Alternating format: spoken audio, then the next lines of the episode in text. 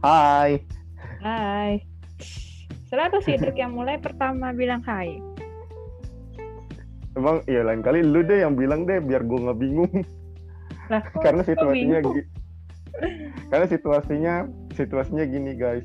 Kalau misalnya dalam rekaman Zoom tuh kalau kadangkala Anis yang ngerekam terus habis itu gue atau enggak kadangkala gue juga kalau yang edisi eh yang episode 6 kemarin itu gue yang ngerekam. Nah sekarang Anis yang ngerekam. Jadi gue bingung aja gitu harus siapa yang mulai duluan. Lain kali coba lu nih yang ngomong hai duluan nih kayak itu seru deh. Hmm, nggak tahu kayak jadi awkward. Ha. kenapa awkward dong? Ya ampun. Ya sekarang adalah hari yang membahagiakan karena akhirnya saya boleh pulang. Yeay, Sidrik pulang. Akhirnya boleh pulang. Terus habis itu ya kangen sih sama tempat isolasi mandiri. Cuman lebih kangen ada di kamar rumah. Walaupun kalau misalnya rekaman podcast pasti ya ada noise. Kayak murung motor atau iya iya. Eh tapi sekarang gue baru tahu dah. Alfamart eh Alfamart sorry. Fit itu. Minimarket. Minimarket. Minimarket itu banyak yang tutup gak sih Iya, emang jam 7 udah tutup tahu. jam 7 ya gue baru tahu mohon maaf nih Oh iya. Maaf. pantesan aja pantesan aja kayak kayak kok udah pada tutup gitu kayak pulang tuh sepi gitu maksud gue ya ampun kayak kalau misalnya mau beli pulsa habis gimana tuh mati deh ini bentar kuota gue tinggal berapa nih bentar ya gue cek dulu Ya Allah. lagi penting amat ya Ini. Cepet-cepet lagi ya. rekaman. Lagi rekaman sempet-sempetnya lo ngecek kuota ya ampun. Masih ya masih keburu lah ya masih 3 giga. Oke cukup lah ya. Oke. Kok bagi yang ingin mendonasikan kuota boleh nanti hubungi saya. Yang tahu media sosial saya tinggal DM saya saja ya. Kalau promosi ya ampun. apaan sih? Ya Yalah. yuk kita mulai rekaman kita pada hari ini ini bridging macam apa gue selalu gagal dalam bangun bridging ya ampun Nis, jadi kita mau bahas apa nih hari ini? Jadi suatu saat harus cerita nih latar belakang. Oke, oke. Suatu saat Sidik ber Wah, suatu saat sih, pada suatu hari dong. Iya nggak sih? suatu ketika lah. Suatu Iya, ketika oke, suatu ketika. Oke. muncul notifikasi di HP gue. Terus Hmm. Apa ya? Cuman kayaknya waktu, eh, waktu itu pakai caps lock nggak ya? Seperti biasa. Oh iya, Nah, benar, benar sekali. ya terus Anes gitu kan. Terus gimana kalau kita Gue selalu ketawa deh kalau selalu kayak nge apa ya ngejelasin Anis gitu. Soalnya kalau gue sih tendensinya tuh ngomongnya Anis gitu. Kalau lu kayak Anis gitu kayak ada eh, apa sih raungan itunya itu loh. Soalnya kayak caps lock caps lock gitu gimana sih gue jadi membayangkannya kayak gitu Oke, iya. Oke, Anis gitu. ya terus eh, apa gimana kalau topik rekaman berikutnya tentang penting atau tidakkah sebuah gelar akademik jeng jeng jeng Hmm. ini gue takut jadi bias aja sih antara gue sama Anis sebetulnya. Karena kan Anis udah punya gelar akademik sementara saya masih berusaha. Tapi ya peduli amat. Tidak ada yang peduli. Kan ini podcast remah-remah kata semaunya gue dan Anis. Dan juga. Jadi jadi kalau misalnya ada pendapat tambahan boleh banget nanti dihubungi kami berdua mau gue atau mau Anis di sosial media kami tapi ya ini once again gue mau ngasih disclaimer ini sangat subjektif ya teman-teman bukan berdasarkan pandangan yang objektif ini berdasarkan pandangan yang gue dan Anis alami ya biar itu nih ntar takutnya ada yang protes gue kayak gimana gitu ya. Tapi maksudnya harus siap diprotes juga sih. Tapi maksud gue, gue mau hanya ingin memperjelas dari awal. Hah, kok gue deg-degan ya ngomongin gini. Lah kan lu lu yang ngusulin topik duluan Iya sih, karena gue resah sama ini sih, jujur aja. Dengan gelar akademik, gelar akademik.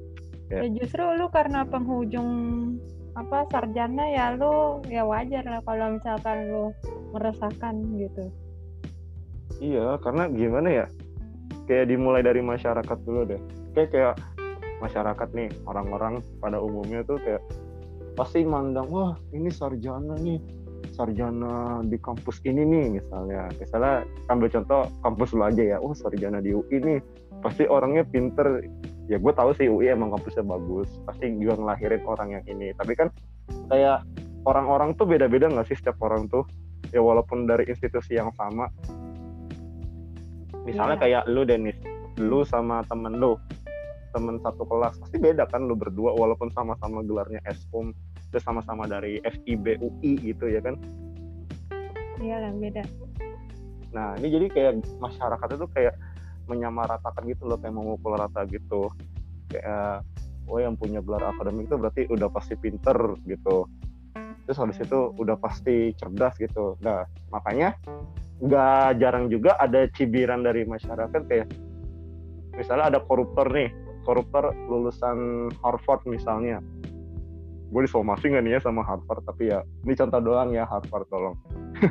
Ya misalnya nih ada koruptor dari Harvard ya kan? Oh lulusan Harvard gimana sih? Berarti lulusan Harvard tuh koruptor semua dong. Nah padahal yang korup yang koruptor itu cuma satu orang tapi yang kena tuh satu institusi gitu maksud gue.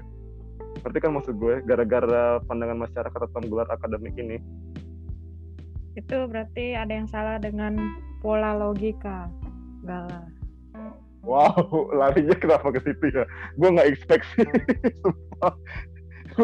Gue nggak expect larinya ke sana sih.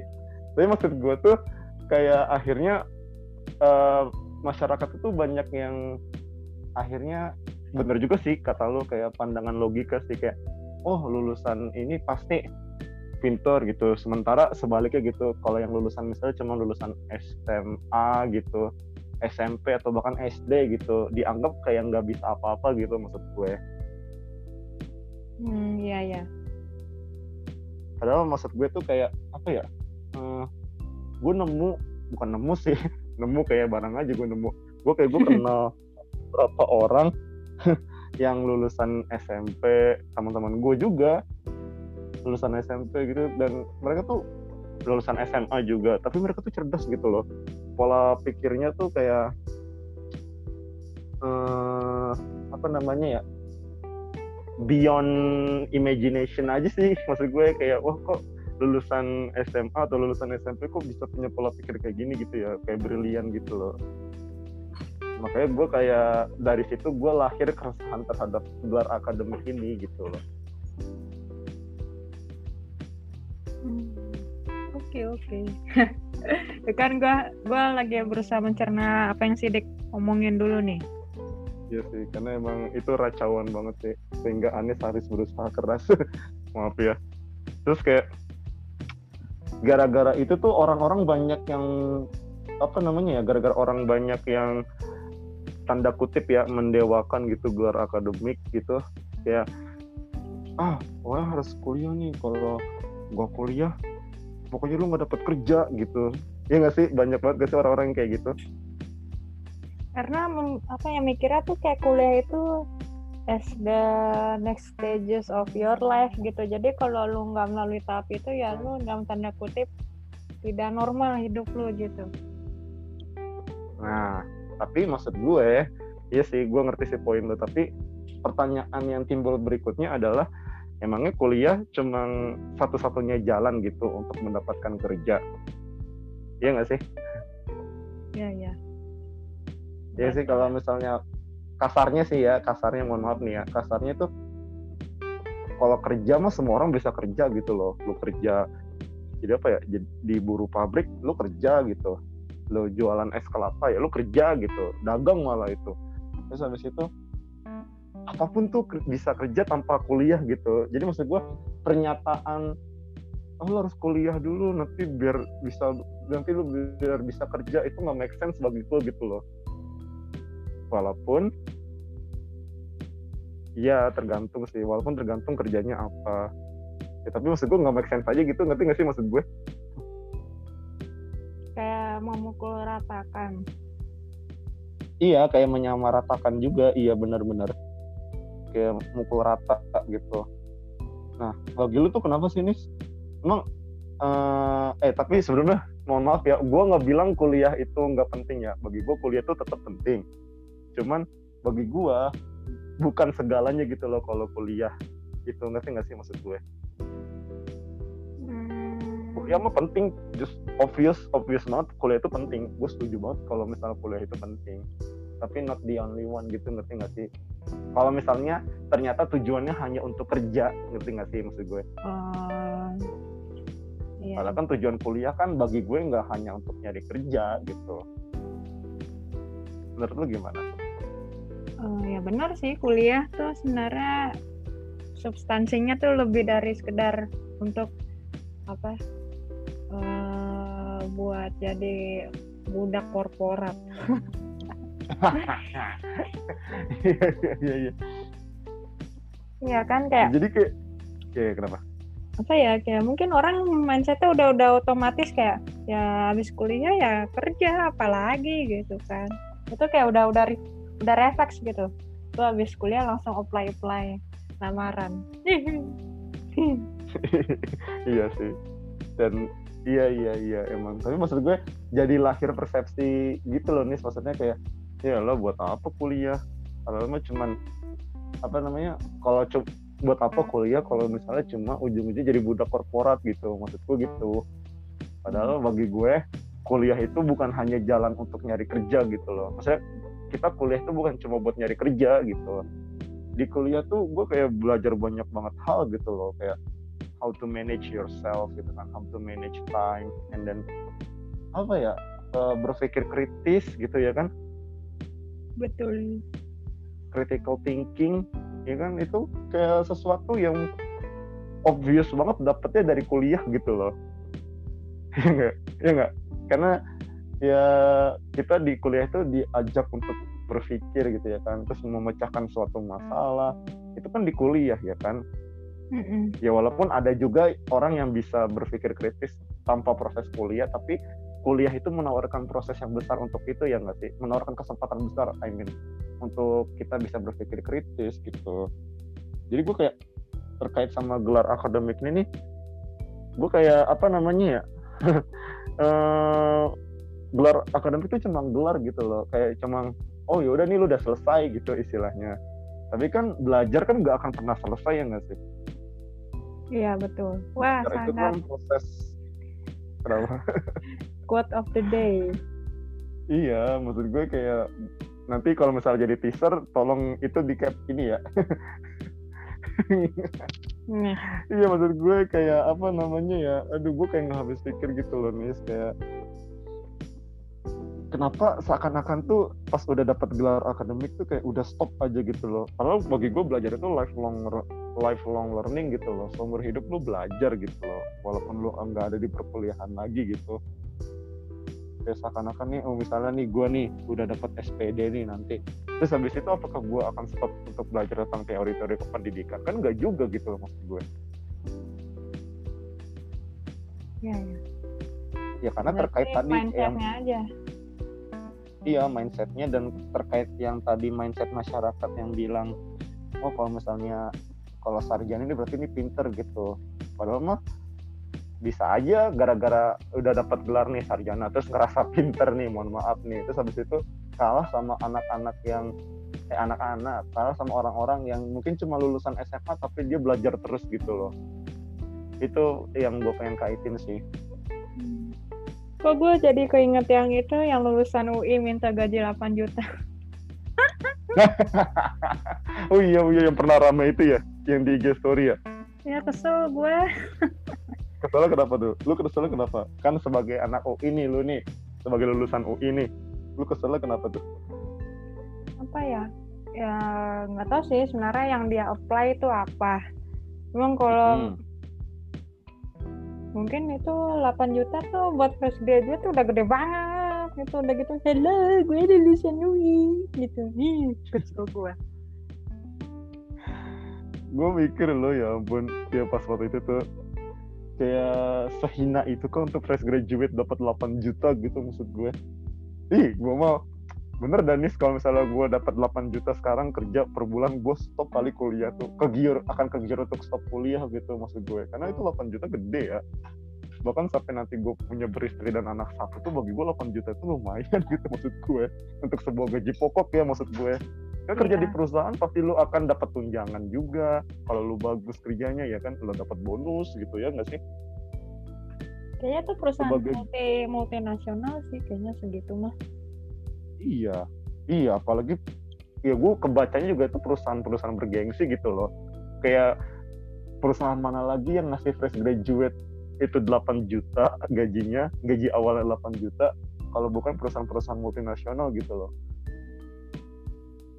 Ya makanya pengen tak Gitu, ya ampun. Terus habis itu eh terkait sama ini maksud gue kayak apa namanya? Hmm, kalau misalnya punya gelar tuh emang bisa lebih cepat dapat kerja ya gitu. Hmm. Nggak tahu sih ya, soalnya itu berhubungan sama kayak requirements. Eh, balik lagi ya, kerjanya apa? Ini gue konteksnya kalau di korporat ya. Kalau di korporat tergantung sama requirements dari HR-nya gitu sih. Kayak kadang kan ada yang eh, tergantung bidangnya, bidangnya apa, terus SMK bisa apply, terus ada juga yang eh, S1 doang gitu. Terus tadi sore gue lihat ada lowongan tapi cuman bisa buat S1 terus kayak ada yang komen gitu kak ini bisa buat D3 nggak? Gitu kak ini bisa buat SMK nggak? Gitu terus kayak saat ini lowongan hanya untuk S1 ya gitu. Terus kayak pada sedih gitu kan. Iya sih, iya iya, gue tahu banget sih kayak hidup di zaman sekarang tuh. Soalnya gue kayak ngomongin ini kok kayak ngelawan arus tahu, kayak ngelawan arus pemahaman mainstream yang apa apa tuh harus diinin sama gelar gitu. Nah, nggak tahu kenapa ya pengalaman hidup gue tuh kayak membenturkan gue ketemu orang-orang yang sebetulnya tuh brilian tau nih dari sejarah pemik- se- secara pemikiran, secara actingnya, secara bekerja juga maksud gue, secara proses eh, pembuktiannya juga dia brilian cuma kelemahannya itu dia hanya nggak punya gelar gitu maksud gue misalnya kayak dia kuliah gitu tapi drop out di semester berapa gitu. Tapi secara ini dia udah cukup matang gitu itu kalau caranya untuk meng, apa ya mengakomodir orang-orang kayak gitu kira-kira gimana ya gue dari dulu tuh berpikir-pikir tahu sumpah Hmm, apakah bisa hidup sekejam ini gitu bisa Kenapa, jadi kenapa? gelar akademik itu cuman media doang buat uh, melihat orang apa seseorang tuh apa ya uh, kan misalnya sarjana nih lu kalau udah dapat Hmm. gelar berarti secara apa ya secara nggak langsung lu udah udah memenuhi tanggung jawab lu untuk memenuhi masa studi selama empat tahun kan? Kan kalau kuliah kan ya lu Hmm. tanggung jawab sendiri ya. Kalau lu nggak tanggung jawab ya lu nggak bakal nggak bakal dapat gelar gitu. Ya walaupun ada Iya, juga yang kayak misalkan tadi kasus DO gitu di tengah-tengah ya bisa jadi karena dia nggak cocok atau dia punya keputusan hidup lain gitu kan gitu. Mungkin Ya, orang atau kecelakaan hidup. Ya atau iya, kecelakaan orang. hidup. Kecelakaan hidup sangat sangat filosofi sekali. Iya. Iya gue mikir yang sama juga. Ya kita terus terus. Iya kan terus eh, apa sebagai jadi kalau misalnya HR nih melihat oh dia udah sarjana berarti dia sudah memenuhi tanggung jawabnya selama empat tahun gitu kan. Kan yang namanya skripsi kan ya lu lu lagi ngerasain kan gimana rasanya kayak eh, skripsi itu kayak sebagai tanggung jawab yang harus lu selesaikan gitu. Kalau lu nggak selesaikan ya lu nggak bakal ini apa nggak bakal berakhir masa studi lu gitu kan. Gitu. Itu Iya, secara apa ya mungkin cara kasarnya HR melihatnya gitu. Itu kan cuman ya sebenarnya gelar akademik itu ya kayak hitam di atas putih aja gitu padahal yang lu dapat selama kuliah tuh lebih dari itu Iya, maksud gue gitu itu nih yang jadi poin gue bener banget gelar akademik tuh bagi gue juga cuma hitam di atas putih gitu. Tapi maksud gue kayak hidup tuh kayak jahat banget gitu loh. Kayak akhirnya menjadikan hitam di atas putih itu sebagai faktor satu-satunya, as if sebagai faktor satu-satunya untuk orang dapat kerja gitu. yang kasihan tuh kayak yang tadi. Itu tadi yang maksud gue kayak orang yang di tengah jalan mungkin DO DO-nya tuh kan ya mungkin ada yang pindah atau yang kayak gimana atau dipecat dari kampus karena kasus atau enggak. Eh karena kecelakaan aja gitu maksudnya kayak ya apa gitu maksudnya ada dia tiba-tiba jatuh miskin atau gimana. Kan kita nggak tahu ya hidup orangnya nih ya masa gue tuh kayak gue idealis sih sebetulnya ini ini pemikiran idealis. Ada nggak sih cara yang bisa merangkul mereka semua gitu loh? Maksudnya kayak melihat dari sisi benar-benar dari inner inner self mereka gitu loh. Nggak hanya dari kemamp nggak hanya dari gelar akademik doang. Tapi hmm, gue jadi ini Denis gue jadi dapat pemikiran random gitu loh. Mungkin ini kali ya tujuan dari program kartu kartu prakerja diadain gitu ya? Oh iya ya kayak iya, untuk iya. Merangkul gue sih bukan mau endorse pemerintah atau program pemerintah ya tapi maksud gue kayak gue nggak mau ngendor sih tapi gue gue bisa ngelihat kayak tujuan kenapa akhirnya program kartu prakerja ini dibuat untuk merangkul orang-orang yang gue bilang tadi gitu loh yang putus kuliah di tengah jalan terus habis itu sebetulnya dia punya skills gitu kan untuk mendapatkan semacam degree gitu loh. Ya nggak sih Iya, karena kan yang bisa lagi... dipertanggungjawabkan untuk melamar ke perusahaan ya nggak sih kayak sertifikat gitu ya nggak sih? Iya, kan zaman sekarang apalagi kayak online online course tuh udah banyak banget gitu kan. Terus juga belum program dari prakerja tuh sebenarnya ya bisa jadi apa ya? Salah satu alternatif mungkin? Iya, salah satu alternatif untuk mendapatkan yang entah sertifikat atau apa pun lah yang apa sesuatu di apa hitam di atas putih gitu. Walaupun balik lagi itu nggak nggak nggak jadi apa ya penentu lo juga gitu. Karena balik lagi ya orang lihatnya hasil kerja lu sih. Gimana? Hmm, iya iya. Tapi kalau mau ditarik lebih jauh lagi ya gelar akademik ini kan permasalahan gelar akademik itu kan berarti sebuah sistem ya. Sebuah sistem yang sudah ada dalam menilai kemampuan manusia untuk bekerja melalui suatu media gitu. Medianya itu gelar akademik. Sebetulnya bisa nggak sih sistemnya kita ubah gitu loh? Maksudnya kayak jangan pakai gelar akademik doang gitu tapi yang lain gitu. Ini filosofis banget gak sih? Atau gue yang membual aja ini sebetulnya? Gue sering kepikiran kayak gitu soalnya. Uh, ada kok kayaknya. Gue beberapa kali lihat lowongan yang kayak gitu. Entah jadi fotografer atau apa gitu. Terus kayak ya kita nggak ngeliat dari gelar atau gender atau apa gitu. Gue ngeliatnya portofolio dari lu aja gitu. Berarti tergantung dari bidang kerjanya juga ya? Bidang ya. kerja yang dilamar gitu ya? Iya sama apa perusahaannya apa. Hmm, iya iya. Gue kayak sampai sekarang tuh penasaran loh kenapa Bu Susi Bu Susi Pujiastuti kan mm -hmm. dia lulusan SMP ya pas jadi menteri. Terus tapi akhirnya ikut paket A selama jadi menteri jadi lulusan SMA ya kan? Iya. Yeah. terus gue kenapa dulunya dia bisa sukses itu ya? Gila maksud gue kayak itu kan Bu Susi ya hello dia kayak masyarakat biasa gitu loh pad, seperti kita pada umumnya gitu awalnya. Terus tapi tiba-tiba bisa mendirikan suatu perusahaan penerbangan bisa belajar bahasa Inggris juga itu dengan titel akademik itu cuma SMP gitu saat itu ya gue gue penasaran aja gitu. Apa yang dia lakukan gitu maksud gue yang pasti iya sangat produktif. Iya iya. Kayak maksud gue tuh apakah justru gelar akademik itu ha hanya menghambat produktivitas kita dalam mengkreasikan sesuatu gitu?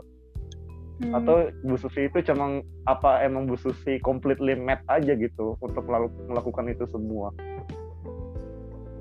Iya bisa jadi terus juga yeah.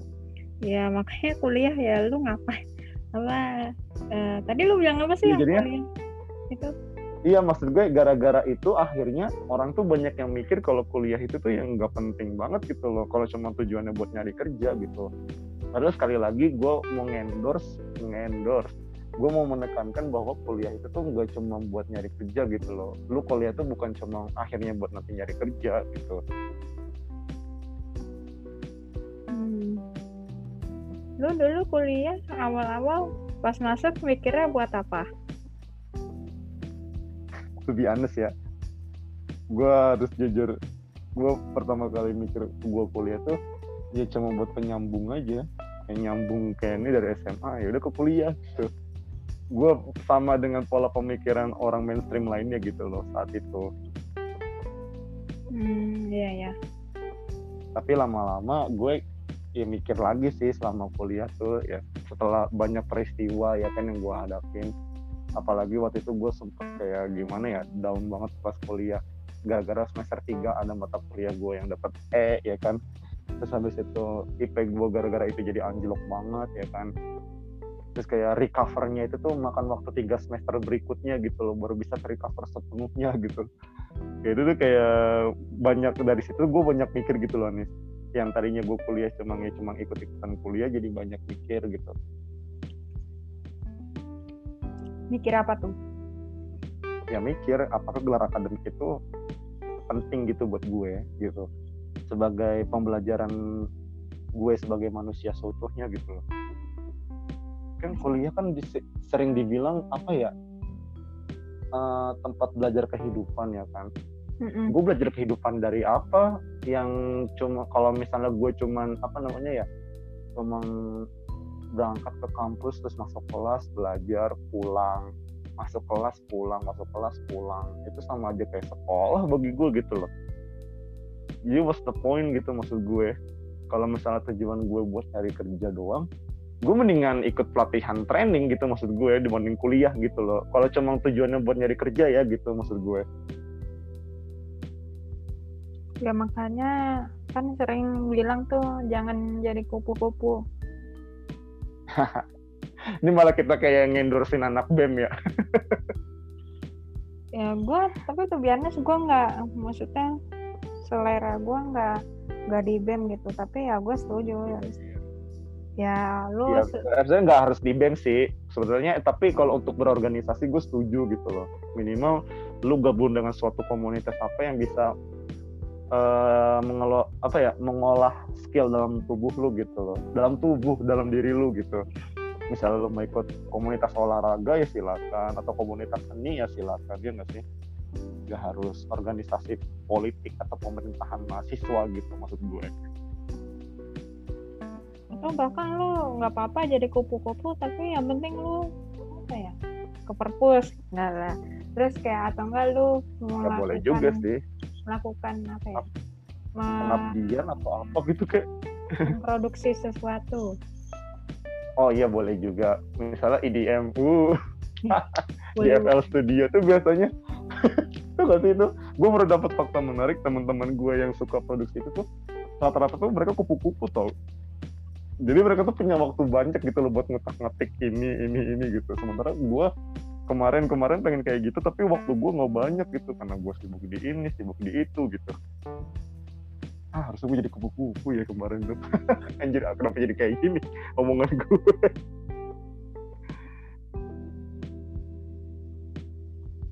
ya. Anis terdiam. Anis terdiam. Bingung sebetulnya karena tidak ada dalam skrip tadi omongan gue tadi jadi begitulah. Aduh. Jadi poin apa yang bisa diambil dari ini? Ya dengerin aja lah yang tadi tadi apa tuh. Terus ambil kesimpulan sendiri.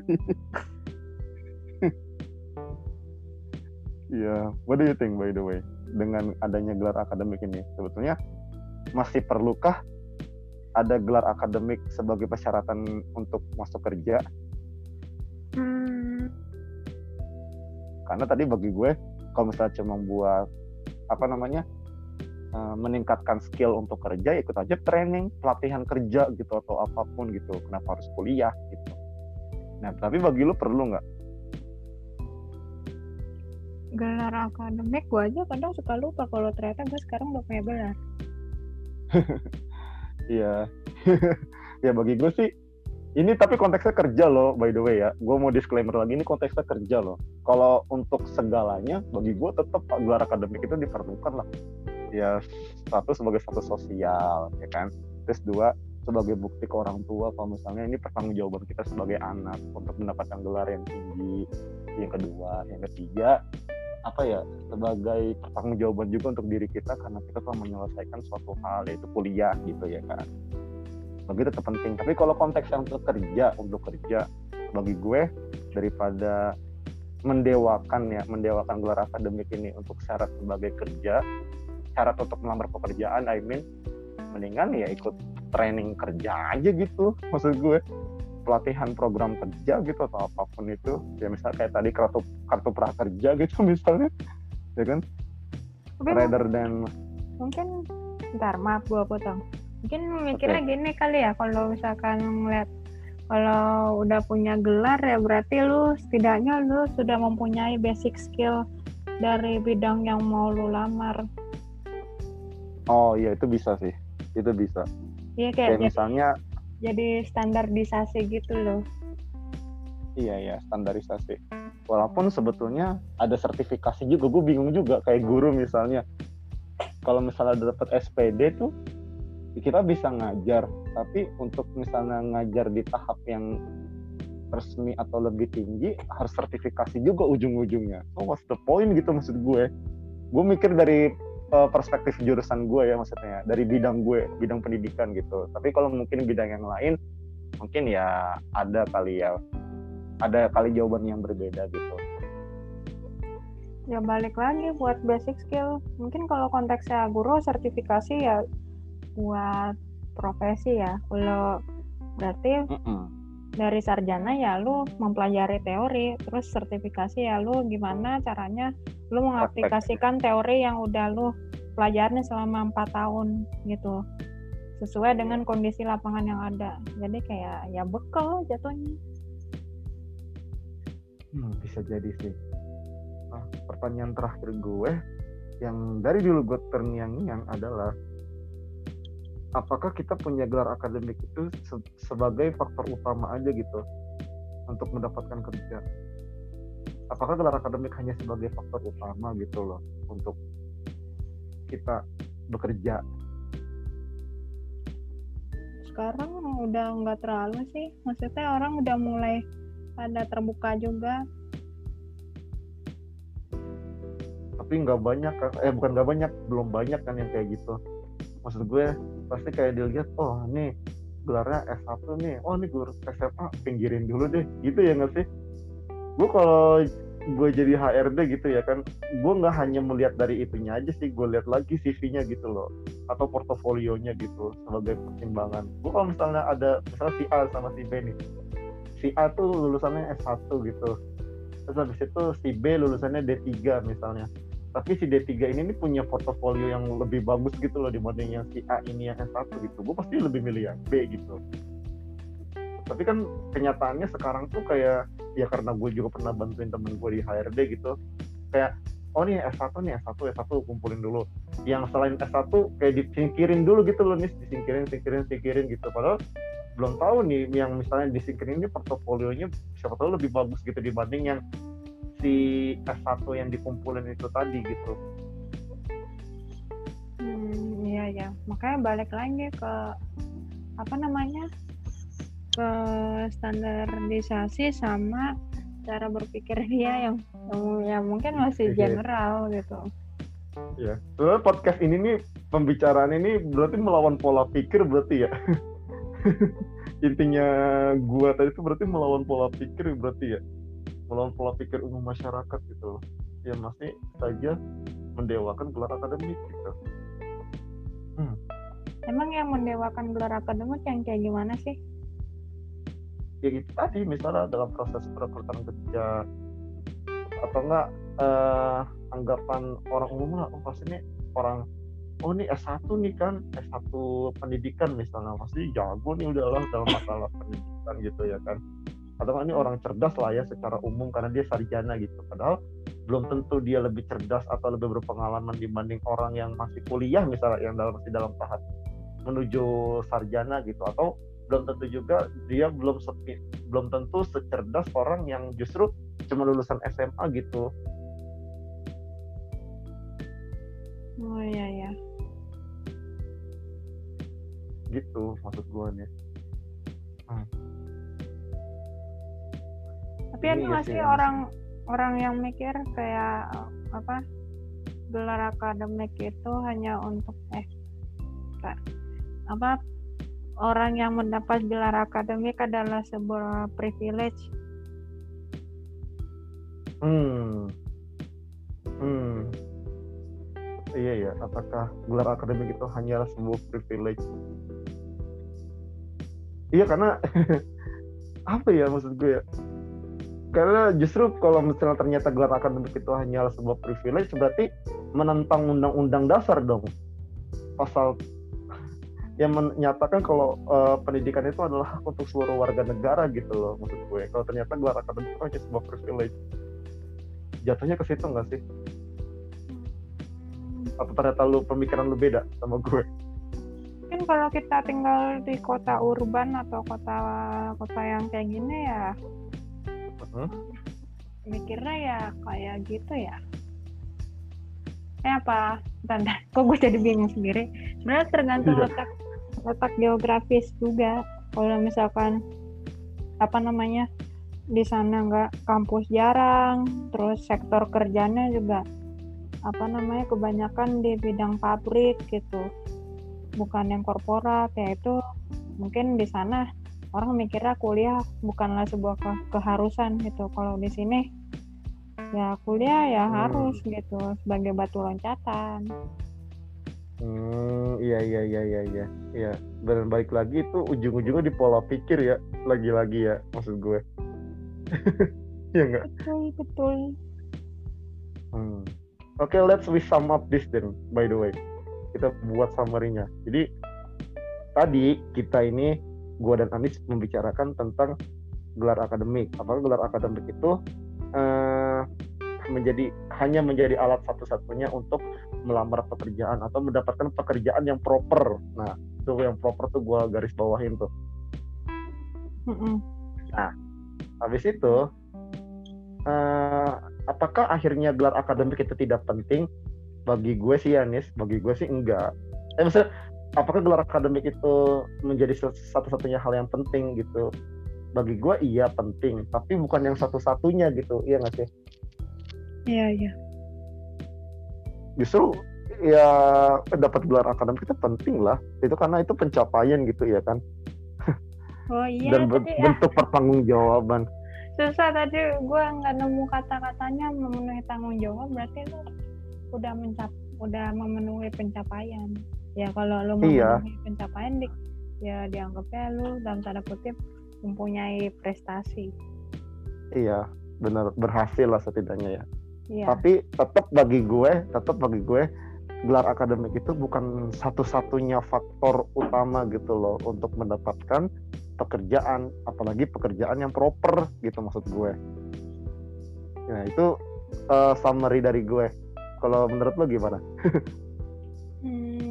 to be setuju sih. Maksudnya gelar akademik tuh bukan satu-satunya penentu lo apa mempunyai kredibilitas dan kapabilitas buat kerja gitu.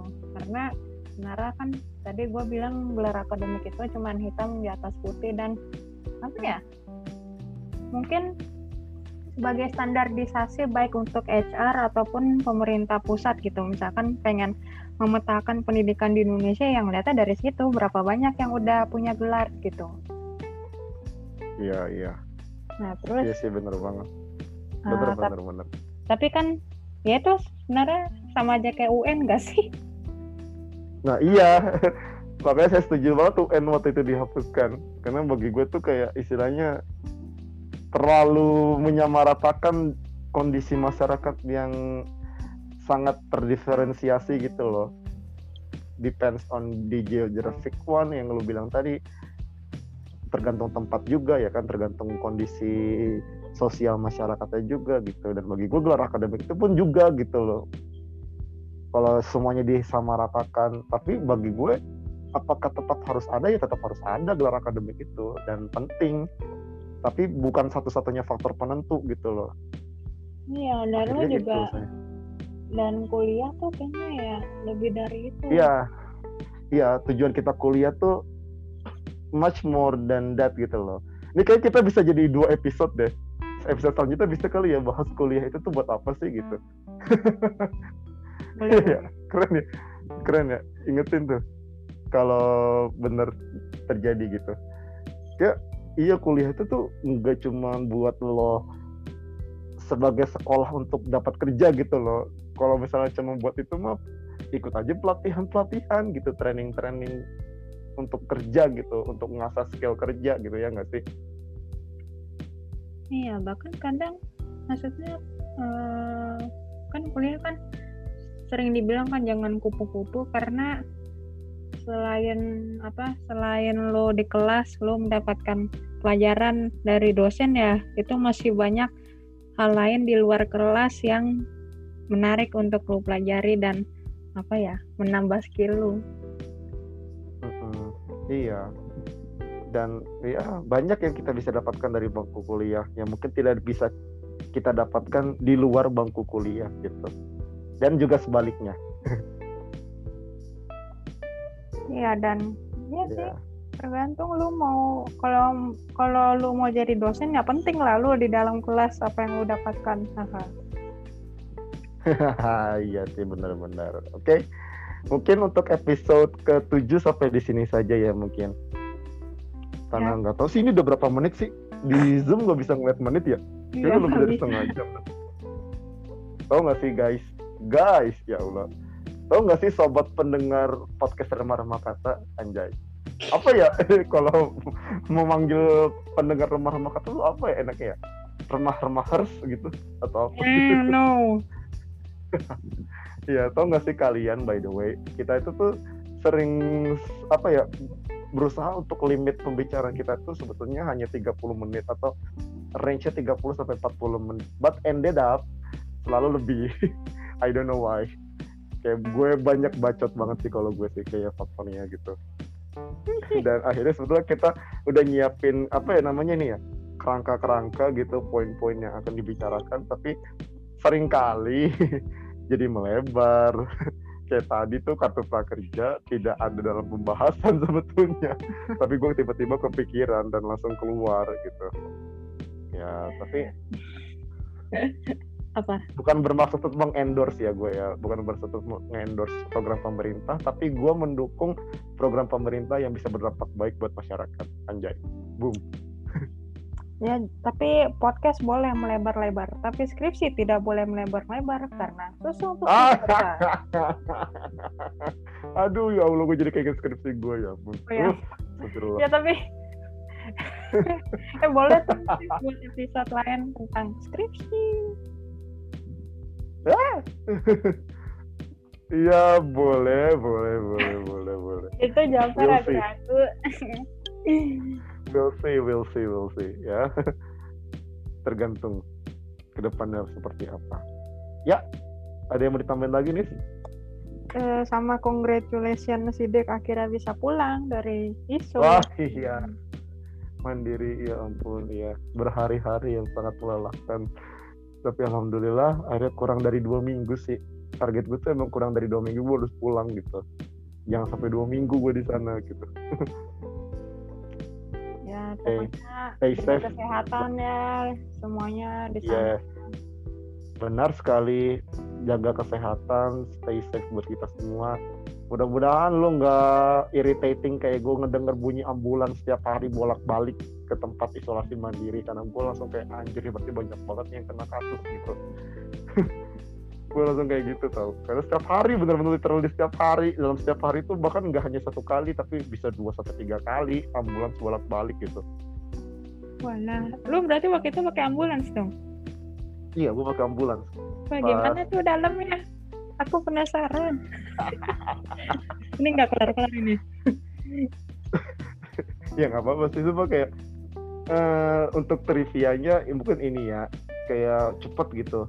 Nanti kalau misalnya mau bahas nanti ada di episode kali ya berikutnya. Bagaimana rasanya dalam ambulan saat isolasi mandiri. Kayak tapi maksud gue kayak jago lu suara sirine tuh kayak bisa bikin cepet gitu.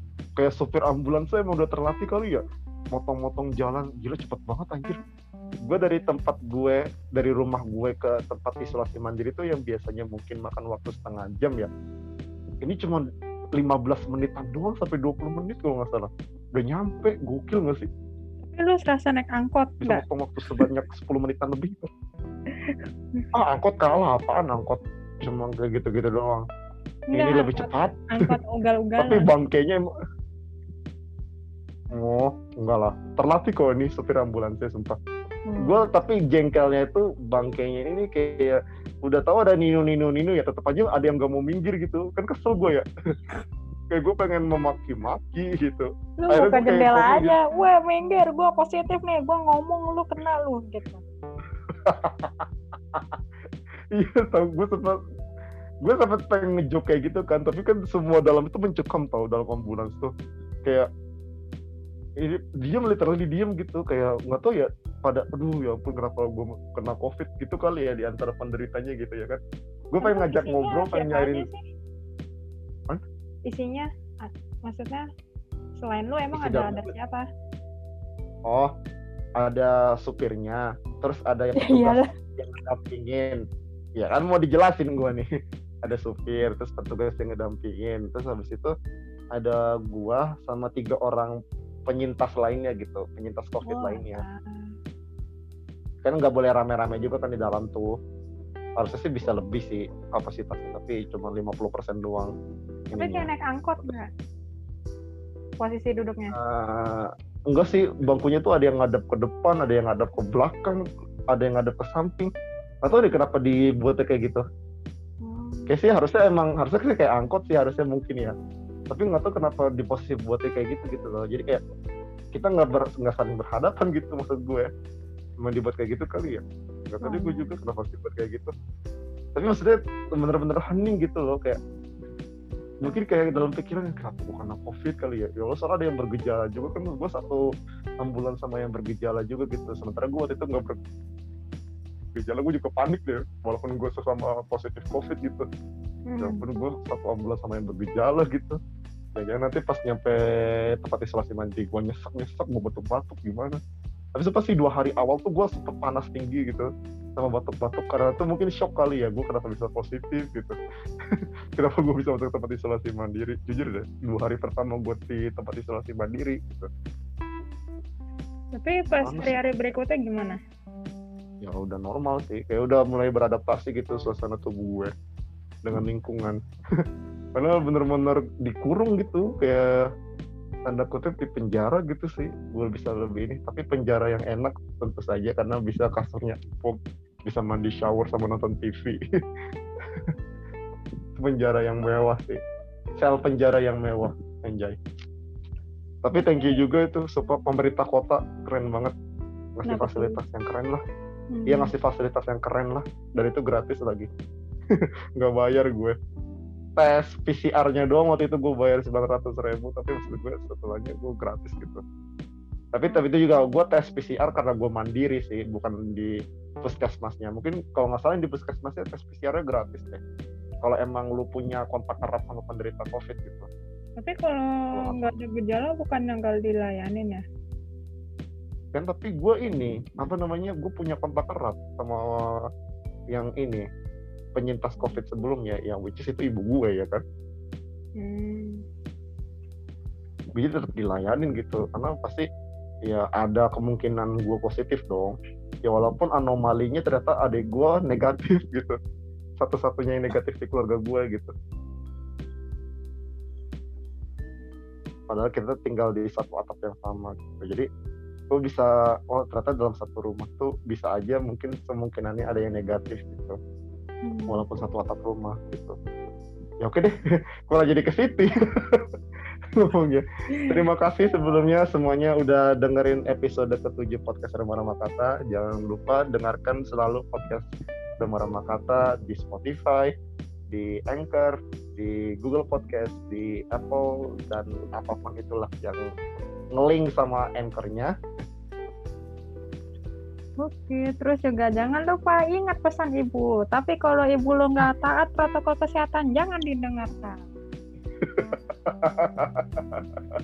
itu lucu banget ya Allah ini lucu banget Ini lucu banget Ya kamu kayak gue kesel ingat selalu pesan ibu lah. Kalau ibu lo keluar nggak pakai masker, gue sih sama tukang sayur gimana? iya berarti ingat pesan ibu buat selalu tidak keluar eh keluar tidak pakai masker dan bergosip dengan tukang sayur. Udah begitu kawan-kawan. Terima kasih Oke. sudah mendengarkan. Terima kasih dan sampai jumpa. Sampai jumpa.